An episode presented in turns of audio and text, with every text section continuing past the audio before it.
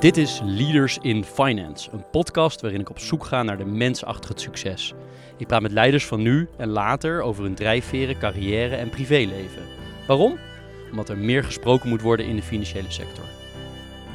Leaders in Finance wordt mede mogelijk gemaakt door Interim Valley, FG Lawyers en Biscuit. Welkom bij een nieuwe aflevering van Leaders in Finance. Deze week zijn we in Amstelveen bij Don Ginsel. Dat schrijf je Don, D-O-N, en Ginsel, G-I-N-S-E-L. Hij is de founder en CEO van Holland Fintech. Welkom Don.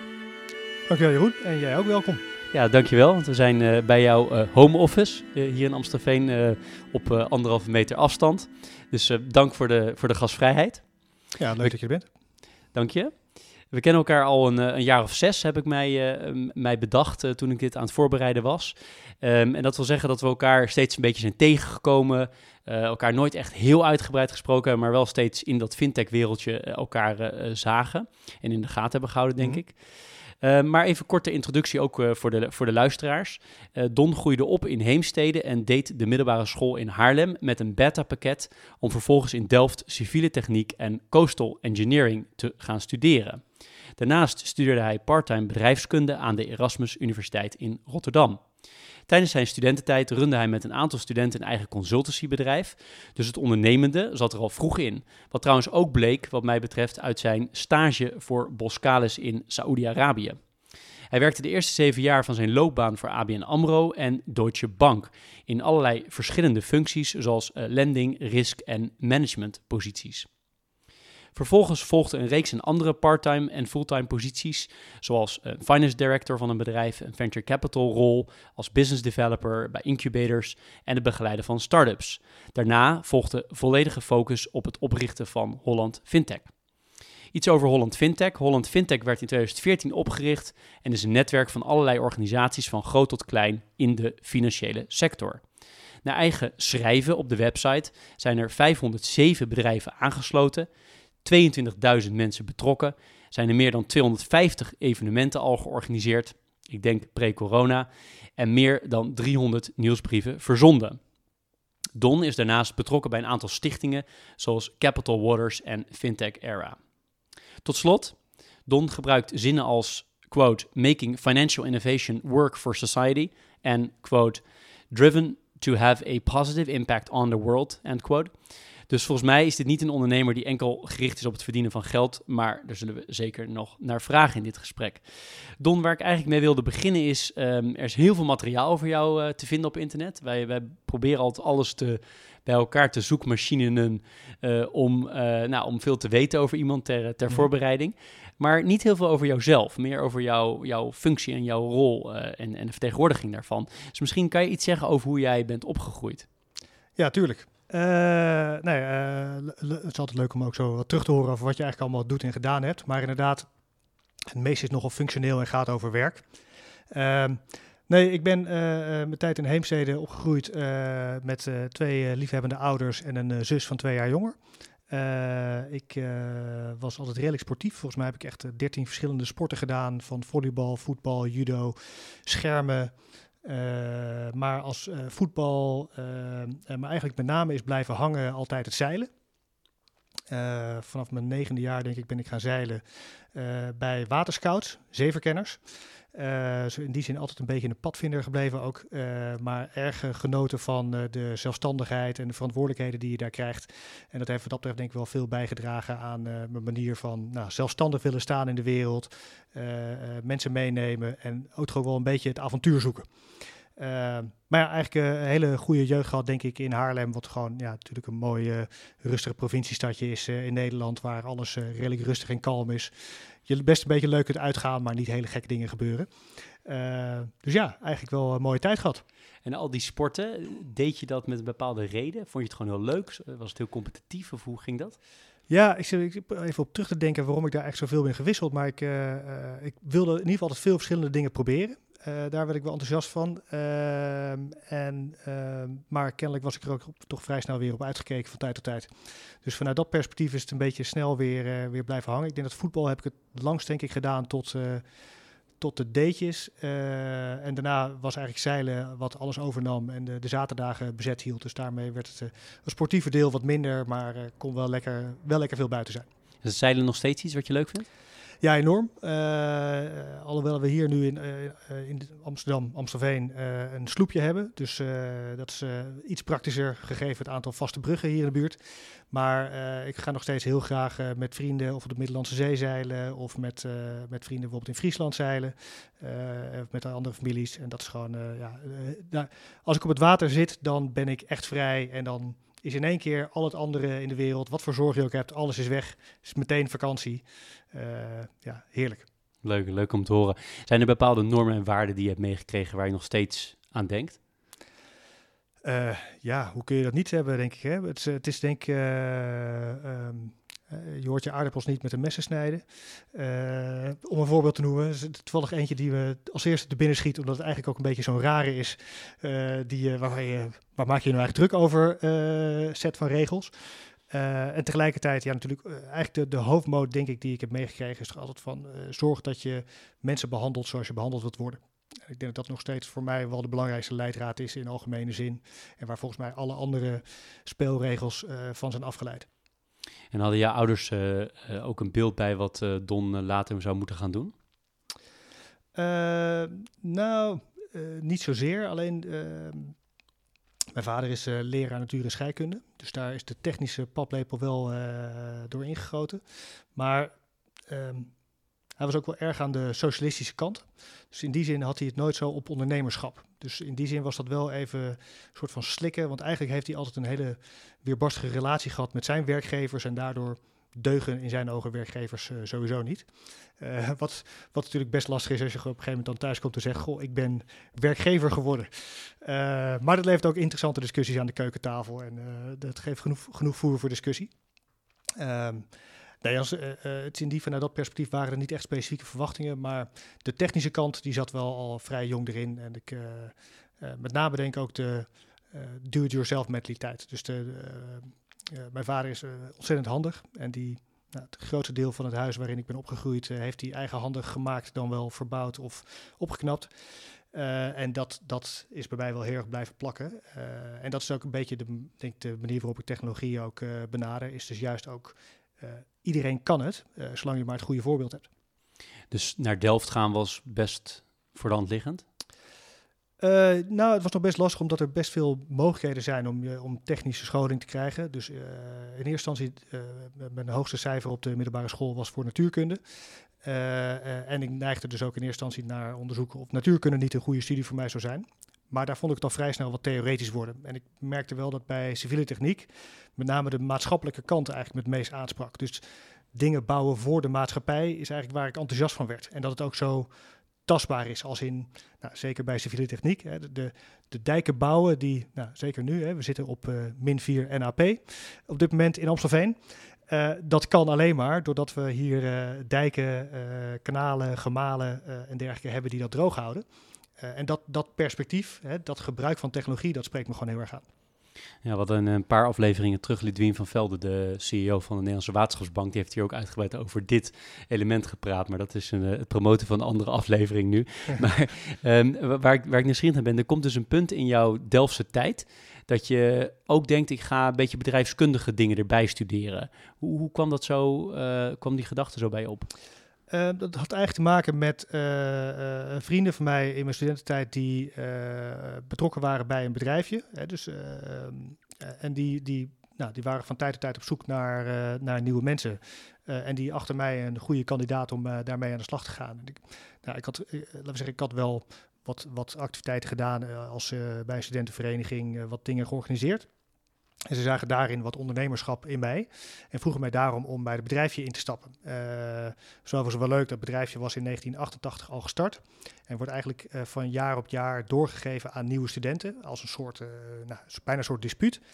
maar het bestaat nog steeds en het wordt ook nu nog gerund door huidige Delft studenten. en ze hebben, het is een communitaire vennootschap waarbij alle uh, voorheen vennoten nu commanditair zijn uh, en dus nog steeds wel enigszins betrokken en één keer per jaar op de hoogte worden gehouden van de activiteiten. En daarmee is eigenlijk een hele interessante ondernemersschool eigenlijk ontstaan. Ehm, dus dat concept, dus, uh, het bedrijfje heet Adviesbureau Kojak, uh, runt nog steeds en blijft dus op die manier nou, eigenlijk gewoon drie tot vier Delft-studenten de ruimte om eigenlijk hun eigen onderneming in te vullen. en is ontzettend leerzaam, met name nog eens een keer met het netwerk erachter, wat inmiddels bij nou, alle grote en innovatieve bedrijven in de wereld is uitgewaaierd, maar nog steeds contact onderhoudt met die studenten. Dus dat is erg leuk. en eigenlijk ook daar heb ik een beetje ontdekt. Um, ja, wat ondernemerschap is en ook wat het voor mij betekent. En ik ben daar dus ook heel enthousiast geworden over de mogelijkheid om zelf een bedrijf te runnen. Uh, en dat is ook waarom ik daarna ook nog uh, bedrijfskunde erbij ben gaan studeren in Rotterdam. Omdat ik eigenlijk meer mijn vinger wilde leggen ook op welk aspect me nou eigenlijk het meest aansprak.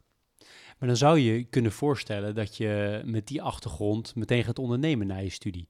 Je gaat er wel naar Saudi-Arabië, ook ondernemend, maar niet een onderneming starten. Dus. Zeker, dat is wel, uh, dat zeker was het heel interessant, vooral ook vanuit een culture clash perspectief, om te leren eigenlijk hoe al, hele andere mensen daar uh, functioneren en hoe, hoe anders hun economie kan functioneren. dus wat dat betreft Saudi-Arabië, wat dat betreft wel een interessante leerschool.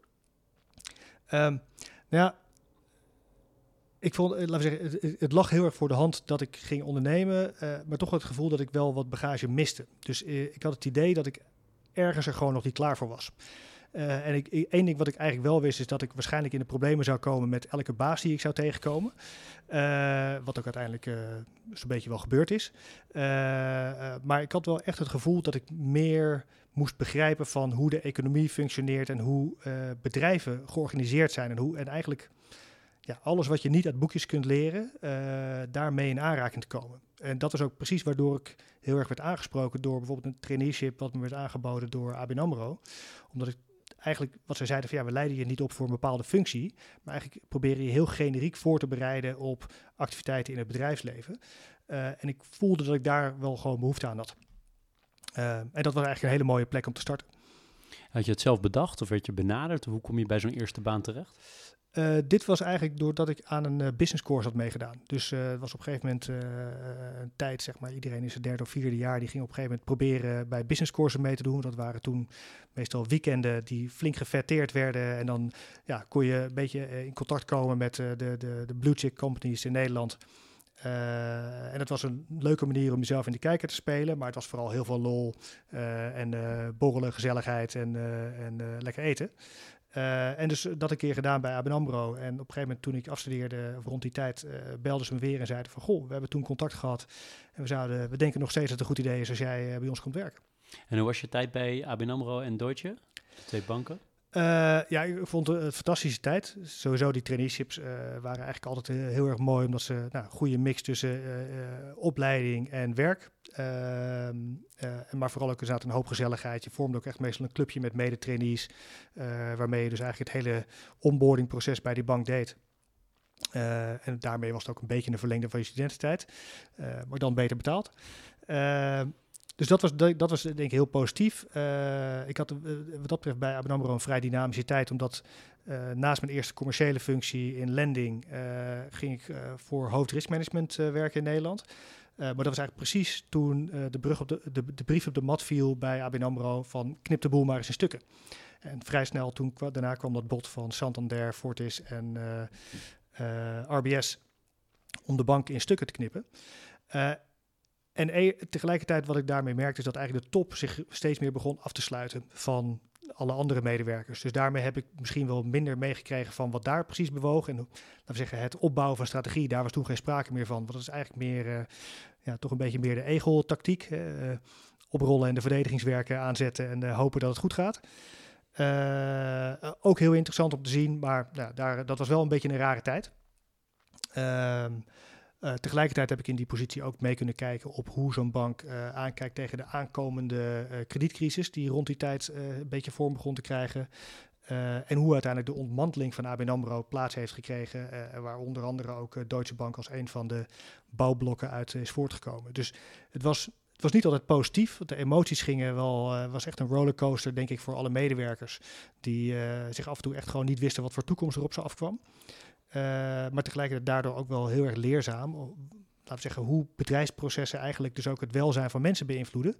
Uh, en hoe dat dus, ja, die onzekerheid soms ontzettend veel impact kan hebben op mensen met uh, potentieel ziekte tot gevolg en heel veel stress. Je refereerde er even al aan dat werken voor leidinggevende, dat, je dat, dat dat een bijzondere relatie is. Hoe, hoe, hoe, moet ik dat zien? Nou, ehm, laat ik zo zeggen, omdat ik zelf werkgever was in mijn studententijd, daar, waarbij we ons eigenlijk altijd op, op voorhand um, opstelden en zeiden van oké, mensen zullen altijd een verwachting hebben dat wij het als student slechter doen. Dus we moeten het beter doen. Daardoor waren we ons best wel bewust van onze rol ook naar andere studenten toe met wie wij werkten, die eigenlijk als medewerker uh, daarin zaten. Um, en door die kritische houding was ik ook al vrij snel uh, van mening dat elke baas die ik tegenkwam ook behoorlijk steken liet vallen. Uh, en, maar ja, over het algemeen werd, zeker als jong pikkie die net begon, ja, ik werd natuurlijk niet echt van, uh, van gehouden op het moment dat die een hele kritische blik opzette over hoe die leidinggevende rol zou moeten worden ingevuld. Ja, dat gaf eigenlijk altijd wel wat wrijving. En ik ben in die zin niet echt zo'n heel goed politiek dier dat ik me daar de juiste sensoren voor heb om dat op voorhand aan te voelen. Dus meestal kom ik daar pas na ruzie achter wat ik daar fout had gedaan. dus dat was in die zin ook alweer een interessante leerweg. Maar het ging blijkbaar wel goed genoeg om steeds je carrière stappen te maken. Uh, ja, of ze waren blij dat ik doorging naar de volgende rol. Dat kan ook. Dat, uh, dat laat ik in het midden. Oké. En dan komt er een punt dat je afscheidt, dat je daar weggaat. Is dat dan iets wat, wat je bedacht had, of is dat iets wat gegroeid is over tijd? Um, nou, eigenlijk toen ik begon bij ABN uh, had ik me wel al bedacht, ik ga hier vrij snel weg. Dus ik kom hier niet om uh, tot in de top van het bedrijf proberen carrière te maken. Ik zie het echt als een belangrijke leerschool waarbij ik wel wat verschillende facetten wil meekrijgen. Maar een keer moet ik dat, die, ondernemende verder vorm gaan geven en aan de slag. Hoe en wanneer precies wist ik niet.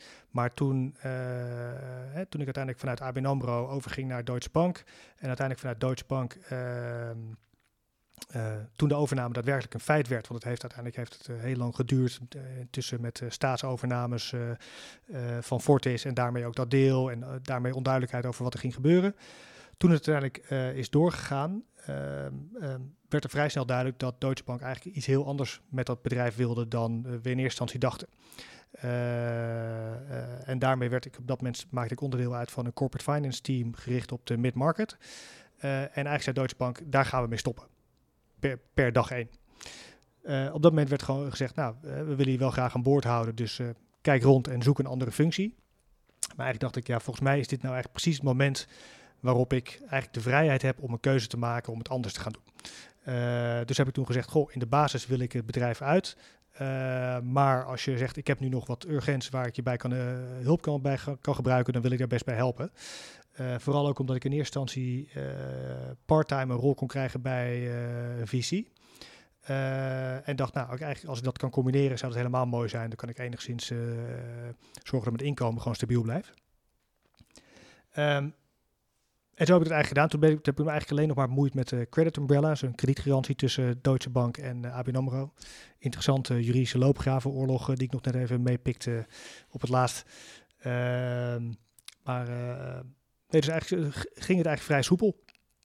Uh, ja, ik, ben, uiteindelijk denk ik blij dat ik met die keuze die ik gemaakt heb. Uh, daarna wel een veel uh, ongewissere tijd gehad. Je noemde het ook net al bij de introductie dat, ja, laten we zeggen, daarna eigenlijk allerlei diverse rollen en klussen heb gedaan in een veel meer open periode. en dat was ook wel echt een beetje zoeken. maar dat was ook wel juist ja, eigenlijk, uh, ik denk dat iedereen die denkt te gaan ondernemen, zou ik ook wel willen aanraden om een flinke periode in te lassen om flink te kunnen divergeren. Uh, dingen te proberen, nieuwe mensen te ontmoeten, netwerk op te bouwen en eigenlijk te onderzoeken waar, waar mensen op jou aanslaan en waar jij op welke onderwerpen je zelf op aanslaat om op een gegeven moment een soort chemie te vinden die genoeg is, die sterk genoeg is, genoeg energie geeft om echt uh, te gaan ondernemen. Want die energie heb je wel nodig. Dat is interessant. Daar heb ik zo nog een paar vragen over. En dat vind ik denk dat het heel boeiend is voor heel veel luisteraars die, die wellicht willen gaan ondernemen. Maar nog even terug naar dat, uh, jouw beta-achtergrond, zowel mm -hmm. middelbare school als uh, in Delft. Ja. Um, paar dingen daarover. Eén is, uh, uh, heb je nog overwogen om wel bijvoorbeeld bij een Boskalis of een andere technische, meer technische kant op te gaan in plaats van de financiële sector? Uh, uh, in het begin wel, uh, maar ik was met name daar ook op zoek naar rollen die zij eigenlijk niet zagen voor ingenieurs. Dus bijvoorbeeld ook ik heb gesproken met bijvoorbeeld bij Boskalis ook over meer financiële functies. Of eigenlijk uh, functies die gingen over het, uh, het leiden van projecten, maar veel meer vanuit een economisch perspectief. Omdat ik mezelf nooit als een constructeur zag, maar eigenlijk veel meer bezig was met eigenlijk het slaan van de brug tussen de technologie en de economie. Dat, dat stuk sprak me het meest aan.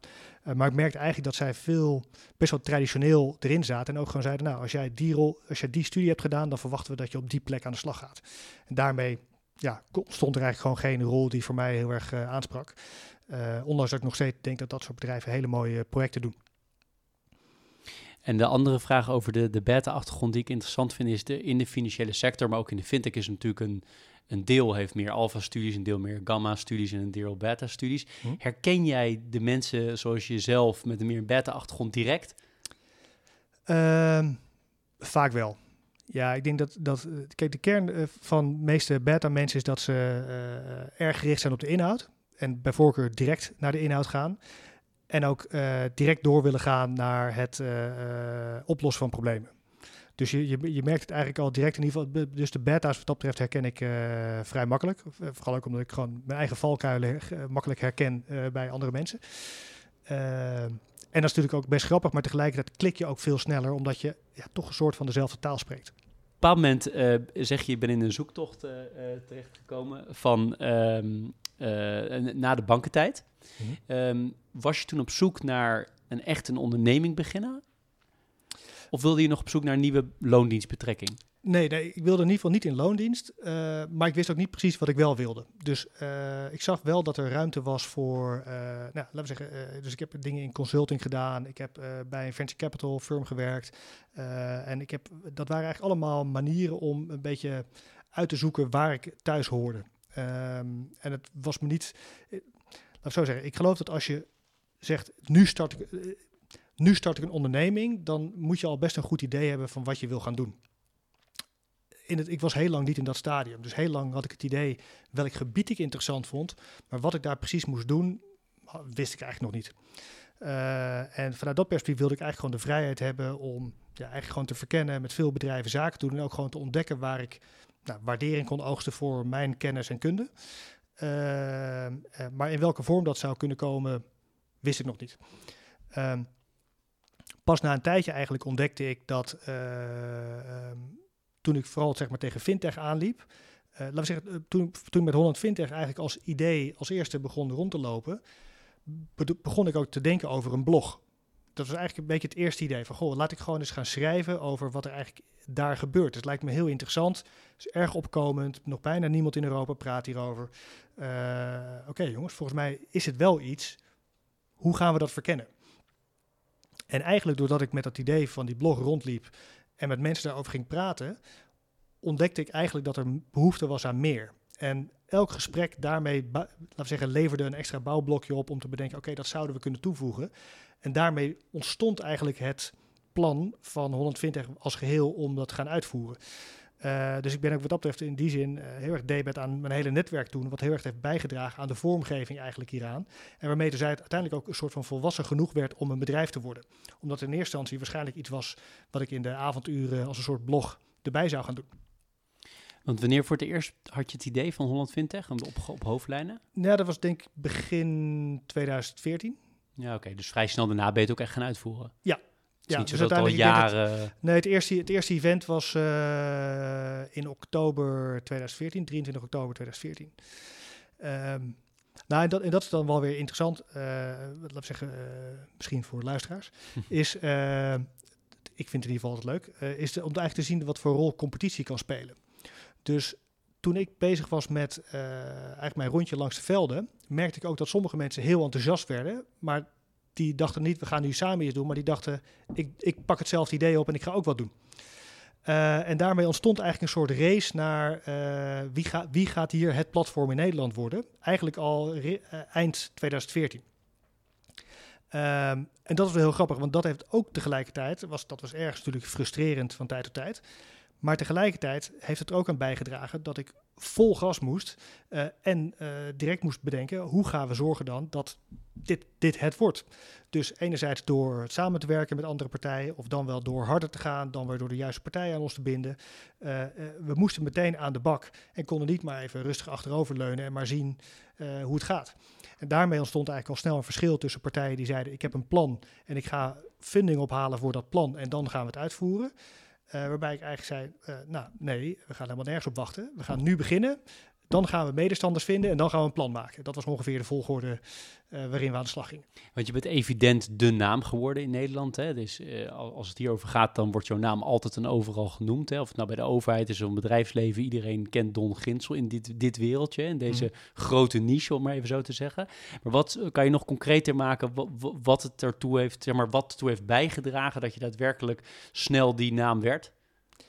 Uh, ik denk dat, dat uh, de, de belangrijkste stappen daarin was uh, een paar connecties bij de banken. Uh, de, de, drie grote banken die uiteindelijk gezamenlijk ook na, na een paar maanden zeiden: Goh, ja, wij willen ook gewoon graag een platform. En ondanks dat ze initieel eigen ideeën hadden om andere platforms ook te starten, en dus in eerste instantie allemaal hun eigen innovatieve ecosysteem te bouwen, hebben zij eigenlijk na veel gesprekken gezegd: Oké, nee, we gaan ons gezamenlijk hier achter scharen en zorgen dat dit, dat dit het financiële innovatieplatform wordt.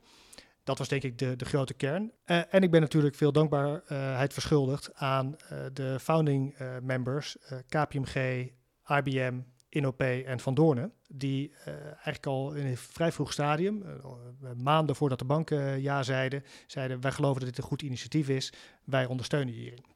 Ik kan me voorstellen dat in het begin super exciting is en super spannend is.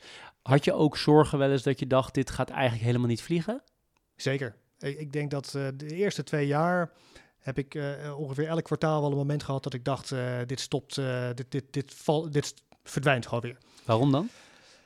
Eigenlijk door ehm, dan wel concurrerende diensten die lanceerden, uh, uh, wisselingen bij partijen met wie we werkten, waardoor we op een gegeven moment toch sommige afspraken weer op losse schroeven kwamen te staan. Of uh, ook gewoon het gevoel dat we um, uiteindelijk ja, niet voor elkaar konden krijgen wat we uiteindelijk wilden doen. En dat is misschien, misschien een beetje uitleggen. Um, de, we hadden uiteindelijk een model gecreëerd waarbij we zeiden, we willen het toegankelijk maken voor iedereen, want het moet een netwerk worden van iedereen voor iedereen. Uh, dus we moeten niet te zwaar leunen op de bijdrage van banken of andere grote instellingen. Nee, het moet echt samen gedragen worden. Daarmee is gekozen eigenlijk voor een relatief lage verdiencapaciteit per aangesloten bedrijf. Uh, maar dat betekent dat je zeker in die beginfase, dat onze inkomstenstroom gewoon ontzettend laag was. Uh, in ons eerste jaar hadden we nog niet eens een ton omzet. maar ja, dat betekent dus ook dat je niemand kunt betalen. Uh, en dat betekent dat we, we waren gewoon, uh, ja, laten we zeggen, ik met een paar stagiairs ongeveer, om het even samen te vatten. Uh, en dat maakt het best wel lastig om dingen voor elkaar te krijgen. en dat is continu eigenlijk een beetje de, de, de, de uitdaging geweest. Dus hoe zorgen nou dat je goede kwaliteit neerzet in de organisatie. dat je strakke evenementen neerzet. Dat je de juiste kennis in huis hebt. En dat je die op de goede manier verbindt met de mensen met wie je dat wilt verbinden. als je eigenlijk bijna geen resources hebt. Wat zijn je belangrijkste leerles als ondernemer? Um, ik zou zeggen. Um, ik, laten we zeggen, ik zou zeggen, begin met de beste kwaliteit mensen die je kunt vinden. En wat dat betreft ook, uh, het is soms als je geen geld hebt, is het, ligt het voor de hand om misschien met stagiairs te beginnen je bedrijf te bouwen. Maar dat maakt het wel heel fragiel. Ik zou dat toch de volgende keer, als ik het weer zou doen, zou ik dat omdraaien en zou ik eerder beginnen met nou, misschien duurdere mensen of in ieder geval uh, meer ervaren mensen. Uh, en pas later eigenlijk uh, de handjes toevoegen aan de organisatie, om die dat, dat die dat makkelijker maken. want vanuit dat perspectief is het in die zin voor mij ook best een, een eenzame rit geweest, omdat ik maar relatief weinig peers heb gehad in mijn organisatie. Dus eigenlijk altijd is er best. Ja, je hebt helemaal alleen opgericht, hè? Ja. ja. is uiteindelijk best wel een kloof gehad, altijd tussen mijn rol en die van de rest van het team. En, en, dat is best een nou, uh, best een spannend speelveld. Uh, speelveld en is, soms is het best zwaar om dat allemaal te doen. Zeker als je ook nog eens een keer een techneut bent zoals ik. Dus waarbij je, nou, laten we zeggen, de helft van de signalen van mensen ook gewoon mist. Als ze het niet, als het niet strak gewoon tegen je zeggen. dus laten we zeggen, dat is voor mij ook een best wel een leerschool geweest. En, en nou, dat, dat denk ik vooral... Ehm, ondanks dat ik zeker dingen, ook wel zware periodes heb gehad, is de leerweg die ik gehad heb wel onwaarschijnlijk stijl geweest en, en heeft me heel veel gebracht. Als je, als je terugkijkt naar alle, allereerste jaar, heb je, je hebt al een beetje beschreven hè, wat, uh, dat het toch wel even een competitie was van zullen we de, de grootste worden. Uh, kan je nog iets anders benoemen waarvan je zegt dat was echt dat, dat eerste jaar, dat, dat was echt wel de hurdle die we moesten overkomen om het te laten vliegen? Uh, nou, in eerste instantie denk ik dus die drie banken op een rij krijgen. Ehm, eh, ik denk dat dat de, de, de belangrijkste stap was. Daarna ging het heel snel over meer het, het, het neerzetten van, van operationele processen. Uh, omdat ik eigenlijk continu uh, wordt heen, werd heen en weer geslingerd tussen zeggen, commerciële opportunities. ik denk bijvoorbeeld ook aan het spreken op evenementen of nieuwe dingen organiseren. en tegelijkertijd ook moest zorgen dat gewoon de facturen werden verstuurd. en dit is ook denk ik tot op de dag van vandaag ook nog steeds een van onze uitdagingen. Is hoe we eigenlijk gewoon hele strakke operationele processen kunnen hebben met eigenlijk te weinig mensen, waardoor je continu tussen projecten en ja, de, de, de, de basis uh, heen en weer wordt geslingerd. En dat is denk ik een grote uitdaging voor veel ondernemingen uh, die, die net starten, uh, omdat je, ja, laten we zeggen, het is de hygiëne en het pakken van kansen, die bijten elkaar soms. En dat is een beetje het verschil ook tussen lange en korte termijn challenges in je agenda. en de korte termijn is altijd urgent, maar niet altijd belangrijk. Maar de lange termijn, daar zitten toch een aantal zaken die erg uh, belangrijk zijn. Uh, maar die zijn niet altijd urgent. Dus die blijven soms te lang liggen. En dat, dat levert wel, denk je, ja, typische start-up problemen uh, als je het hebt over het managen van je agenda. een van de dingen waar ik heel erg naar uitzie om te vragen is... Jij hebt, je ziet en hebt ongelooflijk veel bedrijven gezien. Je hebt een enorm, misschien wel een van de beste beeld van alle mensen in de sector... van wat er allemaal is out there in fintech land, om even dat als... Mm heb je dan niet heel vaak, dat zou ik namelijk hebben, dat je denkt, maar dit bedrijf waar ik nu ben, dat is nog heel klein, maar ik voel gewoon, dit gaat zo groot worden, dat je denkt, ja, maar daar wil ik eigenlijk zelf in zitten. Wil ik aan meedoen, wil ik aan meebouwen. Ja, nou zeker. Uh, en die, die, uh, die gedachte hebben we wel vaak gehad. Uh, heel expliciet eigenlijk vanwege Holland Fintech ervoor gekozen om dat in eerste instantie niet te doen. Uh, eigenlijk vanuit de gedachte dat op het moment dat je participeert, uh, je ook uh, een bias hebt na, ten aanzien van die partij ten opzichte van degene waarin je niet investeert. en het hele idee was juist om te zorgen dat je iedereen een uniforme toegang biedt tot kennis en netwerk, die eigenlijk ja, potentieel botst met andere belangen nu ik herken dit gevoel zeker. En is natuurlijk ergens ook gewoon doodzonde dat ik dat niet gedaan heb. Maar ik geloof nog steeds wel in dat idee achter Holland Fintech. Dat je op die manier dat je iets moet, moet creëren. Wat wat dat betreft zuiver op de graad tussen de partijen kan staan. en bereid is iedereen even goed te helpen. Heb jij um, bepaalde mensen in je, in je loopbaan of, of al eerder, uh, of uit privésfeer of uit, uit, de, uit de werksfeer, die jou heel erg hebben geïnspireerd of gecoacht of geholpen? Uh, je hoeft niet per se naam te noemen, mag wel, maar zijn er bepaalde mensen geweest die daar, uh, die daar heel belangrijk voor jou geweest zijn? Of zijn? Ehm, altijd een lastige. Ik ben altijd heel, uh, om, omdat ik zo kritisch ben, vind ik het soms ook heel lastig om iemand echt als een voorbeeld te nemen. Maar ik, ik leer bijna altijd ook van iedereen wel iets. Dus in die zin zit ik er altijd heel genuanceerd in. Ik ben niet zo snel idolaat van iemand.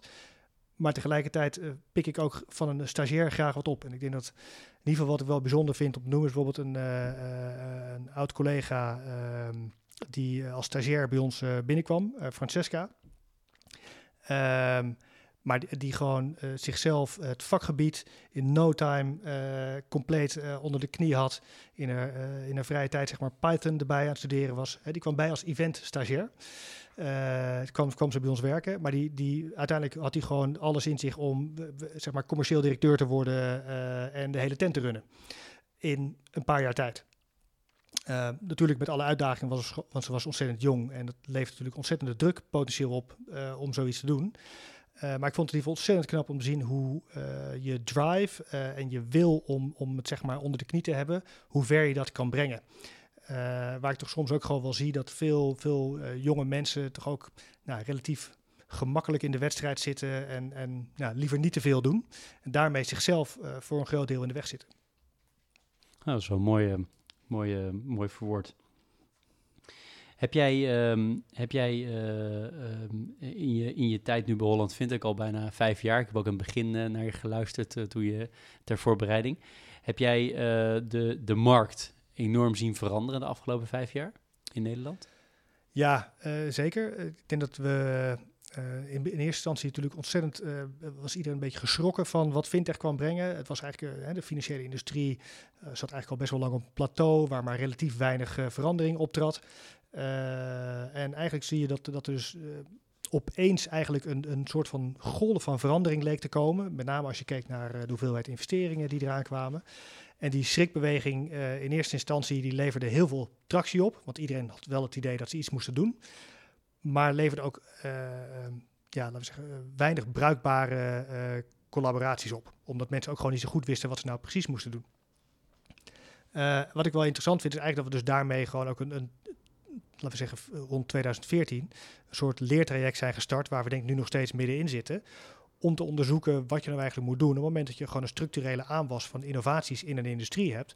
Uh, en hoe je dat tot een nieuw ecosysteem laat ontwikkelen, waarbij ja, groot en klein uh, in een soort uh, vast patroon naar elkaar toe groeien en met elkaar samenwerken. En vervolgens weer ook ruimte maken voor een volgende generatie innovaties. Dat spel is bij lange nog niet klaar we zijn inmiddels denk ik wel een stuk veel verder gekomen, omdat nu partijen echt elkaar serieus nemen als, uh, als uh, potentiële partner. Daar waar, ja, laten we zeggen, een paar jaar geleden iedereen het heel hip vond om met startups te praten, maar geen idee had wat ze ermee moesten doen. gaan we nu, kijken we nu veel meer, denk ik, naar, beter naar waarom je eigenlijk zou willen innoveren. Hè, als je namelijk niet weet voor welk doel je doet, heeft het ook niet zoveel nut. en dat we ook eigenlijk veel beter kunnen zorgen dat partijen elkaar weten te vinden uh, op het gebied van uh, juridische samenwerking. Dus wat voor contracten sluit je af? Hoe doe je de implementatie?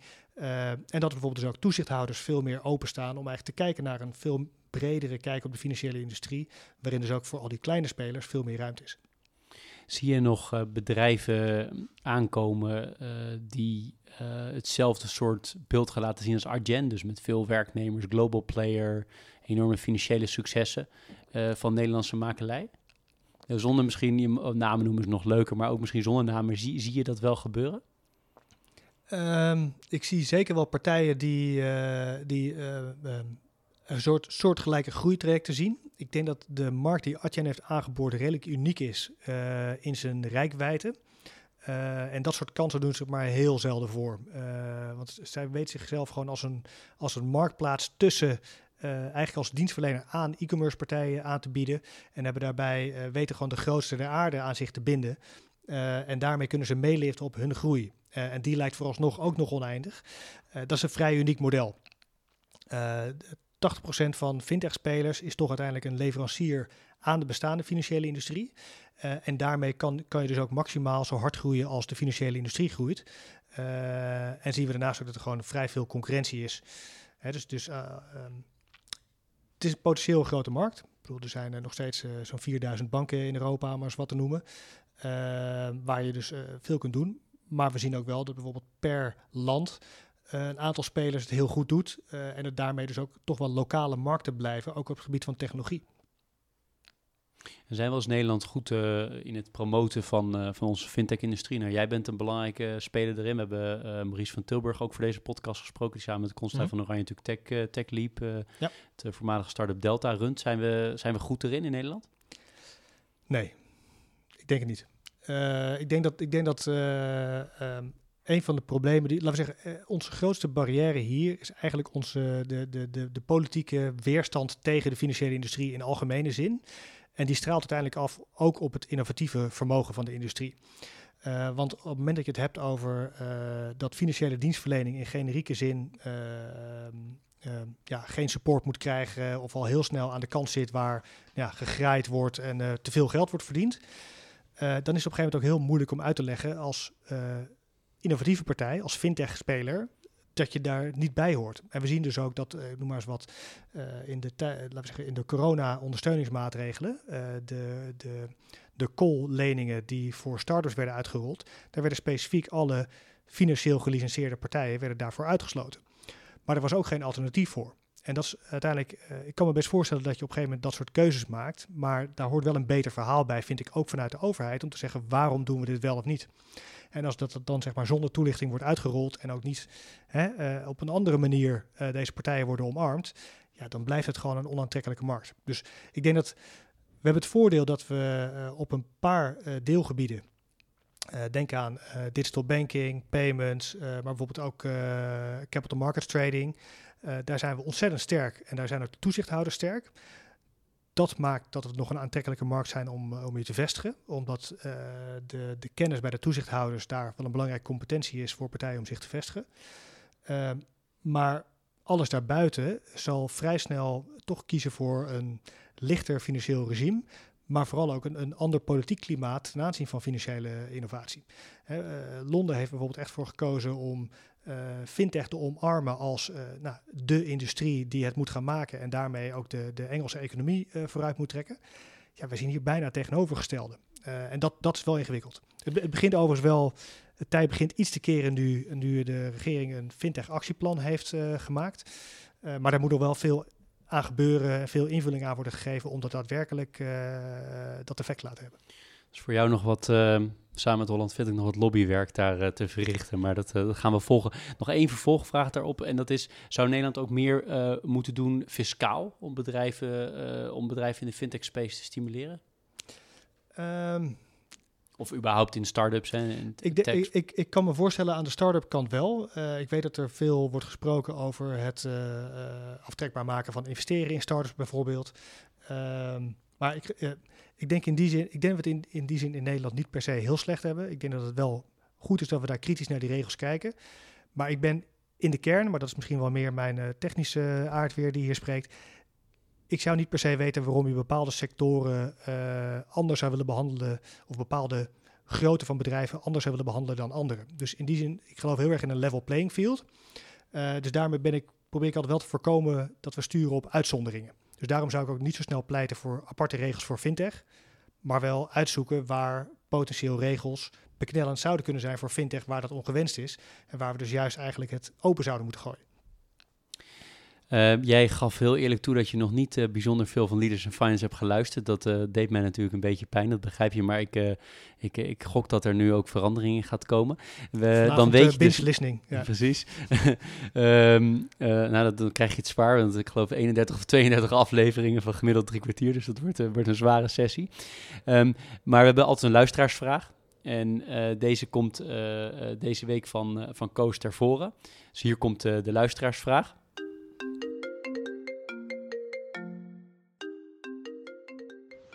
Hey Jeroen, Koos Tervoren hier van Microphone Media. We hebben natuurlijk samen het concept voor deze podcast bedacht.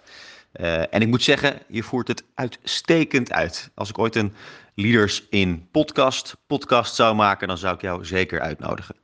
Dan naar de vraag. En je weet dat ik hou van gesprekken waar het een beetje schuurt of dat het juist een beetje absurd wordt. Want hè, als dat gebeurt, dan leer je mensen pas echt kennen. Dus wat ik graag zou horen, dat je de volgende schurende, uh, absurde dilemma's voorlegt aan een spreker, aan een gast. Komen ze. Eerst het schurende dilemma. Of de loonkloof tussen mannen en vrouwen wordt gedicht, of er is een 50-50 verhouding van mannen en vrouwen aan de top. Dan het absurde dilemma. Of je maakt elk uur het geluid van een koekoeksklok, of je kunt geen klok meer lezen. Nou, ik hoop dat je deze dilemma's durft voor te leggen aan een van je sprekers. En vervolgens hoop ik ook dat diegene ze ook durft te beantwoorden. Succes! Ja, dat is natuurlijk ontzettend uh, moeilijk. Want ik denk dat ze namelijk allebei uh, strevenswaardig zijn. Uh, um, maar ik denk dat in die zin, gegeven de rigiditeit van de 50-50 verhouding, denk ik dat we gewoon de loonkloof moeten gaan dichten. Zie je dat ook in de, uh, in de fintech space, dat er door mannen veel meer verdiend dan door vrouwen? Uh, nou, ik kan het niet bij iedereen controleren, maar ik, het is, ik, zie natuurlijk wel, deze wereld is wel erg gedomineerd door mannen. Uh, dat zie je eigenlijk al in de financiële wereld in het algemeen. En als het dan nog technischer wordt, zie je eigenlijk dat het aantal vrouwen nog eens keer afneemt. Uh, dat vind ik zeker zorgelijk, want daarmee mis je gewoon bepaalde elementen in hoe je nou, kunt kijken naar hoe je met klanten omgaat, hoe je met technologie omgaat, die gewoon aan tafel zouden moeten zitten. Dus ik ben er zeker voorstander van en we betrokken bij een aantal initiatieven om te helpen eigenlijk meer uh, ja, vrouwen meer een podium te bieden en te kijken hoe we ze als voorbeeld kunnen laten dienen om meer vrouwen in de industrie aan te trekken. Uh, ik kan niet altijd zien hoe het de, de, de loonverschillen er precies uitzien. Uh, en ik denk er nog steeds dat ik denk dat er nu wel veel meer oog voor is, dus dat veel van die gaten worden gedicht. Ehm, ik denk alleen nog steeds wel dat, we zeggen, de cultuur is redelijk masculien. Dat heeft ook te maken gewoon met het aantal uh, mannen in de industrie. En daarmee zal dus ook, denk ik, het spelletje rondom uh, loonsverhogingen en uh, promoties voor een deel masculien worden gespeeld. en dat is denk ik nog steeds de belangrijkste reden voor dat soort loonkloven. die liggen niet altijd per se op verwachtingen, maar gewoon als iemand bereid is te vechten voor meer, dan wordt dat soms geaccepteerd. en dan zie je wel dat ja, en dat is weer veralgemenisering die ongetwijfeld heel veel voor, voor een aantal mensen de plank mislaat. Maar vrouwen zijn daar vaak te bescheiden. En dan uh, deel 2 van de, of het tweede dilemma van, uh, van uh, Koos Tervoren. ik denk dat ik geen klok meer zou lezen. als je ook goed kijkt, dan zie je ook dat er geen horloge op mijn pols zit. ik, ik vind het eigenlijk heerlijk om niet precies te weten hoe laat het is. En gelukkig heb ik een vrouw die uh, erg punctueel is. en die trekt me er aan mijn oor wel bij uh, als het nodig is. Dus ik denk dat, uh, dat ik zonder klok goed vooruit kom. Wat is jouw, um, jouw, jouw drive voor de, voor de toekomst? Wat zijn dingen die jij heel graag zou in, in, je werkende leven zou willen bereiken?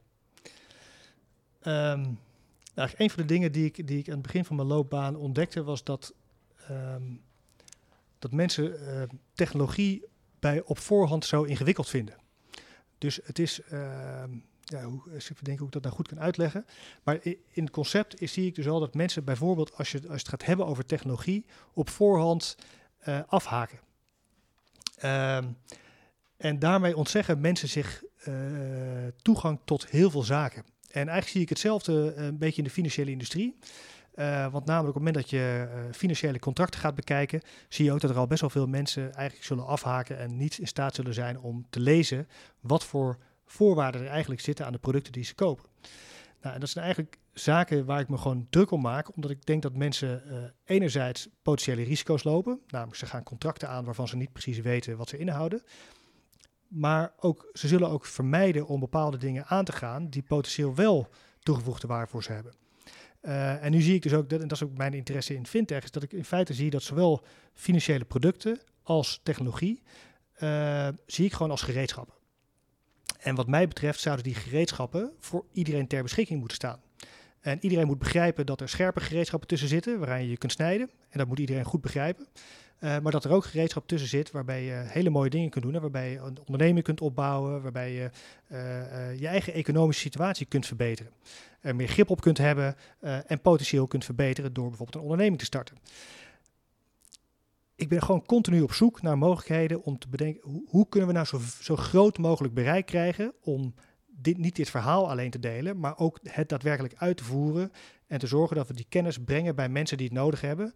Uh, en dat gaat dus over, nou, dat is financiële en digitale inclusiviteit zou je daarbij uh, bij kunnen noemen, maar ook over ja, financial literacy wordt er ook wel veel bij genoemd.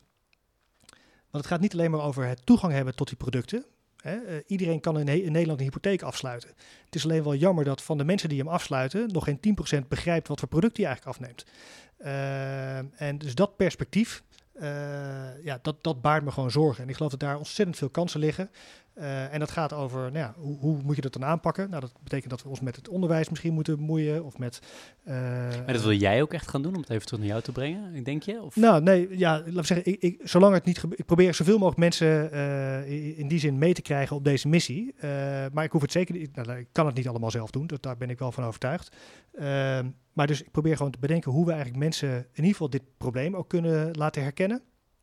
En de kansen die eraan zitten. Uh, en vervolgens hopelijk dat, uh, dat dat uiteindelijk leidt tot aanpassing in onderwijs of de manier waarop we ondernemers en consumenten informeren. Eigenlijk al die aspecten zullen we moeten aanpakken om dit gewoon goed te tackelen. En ik zie het alleen al, ik maak me alleen al zorgen als ik kijk naar de politiek, waar als we het hebben over bijvoorbeeld hoe er over artificial intelligence wordt gesproken. Dat je gewoon ziet, ja, mensen, jullie snappen het gewoon echt niet. Dus hoe zorgen we nou dat jullie een goed beeld hebben van die technologie, zodat we op een zinnige manier praten over de wel en niet uh, uh, wat er is toegestaan? Jouw betrokkenheid bij de twee stichtingen die we aan het begin noemen, uh, noemden, Capital Waters en Fintech Era, is dat, heeft dat, zit het ook in deze hoek? ja, zeker.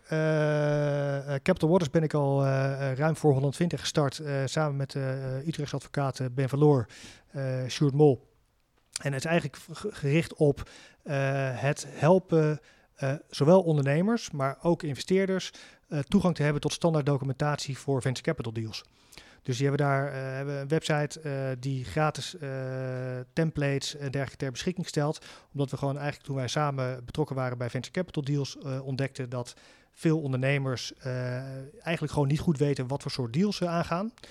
Uh, uh, en ook geen goede referentie hebben. Dus eigenlijk de standaard setup was de investeerder uh, legt uit aan de ondernemer hoe het werkt. Maar ja, die investeerder is partij daarin. Dus die zal uitleggen, ja, het is hartstikke normaal dat ik eerst drie keer mijn geld krijg en dat jij daarna pas iets krijgt, bij wijze van spreken. Ehm, en dat is natuurlijk niet, zo, niet voor iedereen zo, want er zijn ontzettend goede venture capital firms die het heel gebalanceerd dat soort trajecten aanvliegen. Maar in de kern mist er een onafhankelijke referentie. En die wilden we graag neerzetten, eigenlijk ter lering en de vermaak in eerste instantie. Uh, maar het is wel leuk om te zien dat we nu, mede door hulp van TechLeap, uh, zien dat er eigenlijk steeds meer het langzamerhand als een soort standaard uh, dealterms gaat gelden. Uh, we zijn namelijk ook in gesprek met de regionale ontwikkelingsmaatschappijen, die er ook voor kunnen zorgen dat we uiteindelijk, als zij dat in standaard dealterms gaan opnemen, dat uh, ja, eigenlijk iedereen een soort referentiedocument heeft, net als met de ROZ-voorwaarden bij huur. Dat je eigenlijk al op voorhand weet, dit is een goed contract, dit is de standaard. Ik hoef alleen maar te kijken waar ik de puntjes moet invullen en dan uh, kunnen we een deal doen. Nou, dus dat is ook een van de, van de manieren waarop je mensen meer comfort kunt geven met de zaken die ze doen financieel. Uh, en ook misstanden kunt voorkomen, dat mensen nou, niet uh, uh, per ongeluk de verkeerde dealterms voor een kiezer krijgen. Dus dat is die. Uh, Fintech Airways stichting die meer recentelijk is opgezet, eigenlijk om meer het hele idee van financial inclusion en financial literacy op een meer Europese schaal uit te dragen. dus dat is eigenlijk een beetje het verlengde van het werk wat ik met Holland Fintech doe. proberen we eigenlijk op een onafhankelijk platform op Europees niveau verder uit te dragen. En dat staat nog redelijk in de kinderschoenen, maar daar ligt wel mijn hart. Het is uh, ongelooflijk wat je eigenlijk allemaal doet. Als je ook nog weet dat je nog een, nog een gezin hebt. En, uh, en dit helemaal uit, uit de grond opgestampt. Je hebt veel, uh, ja, voorheen in ieder geval veel public speaking events en, en dergelijke. dus dat, dat leidt ook altijd tot de vraag van hoe combineer jij werk en privé? Ja, eigenlijk het laatste tijd erg goed. Het is natuurlijk nu in de coronatijd uh, iets anders uh, dan, uh, dan voorheen. maar ik heb me eigenlijk altijd voorgenomen, sinds ik een dochtertje heb, nu, nu tien. Tje, ze mag al bijna niet meer eigenlijk. Laten niet horen. Nee, precies. ze kwam net even om het hoekje kijken. Maar nee, ehm, nee, dus mijn dochter Anna, die, ehm, die, die wil ik gewoon kunnen, goed kunnen volgen. Dus ik heb me eigenlijk altijd voorgenomen om, rond, als ik in het land ben, en dat is de laatste tijd 100%, om met etenstijd thuis te zijn om te zorgen dat eigenlijk die tijd van tussen uh, samen eten en naar bed, om dan gewoon tijd voor het gezin te hebben. Uh, dat ik in ieder geval altijd begrijp wat ze heeft meegemaakt elke dag en uh, met haar kan praten over hoe zij de wereld ziet. Uh, en in die zin ook echt mee te krijgen hoe ze opgroeit. Uh, en ja, als ze, ze gaat meestal om een uur of uh, acht, nou, tegenwoordig negen naar bed. Ja, daarna kan altijd de laptop weer open en kunnen we gewoon weer door.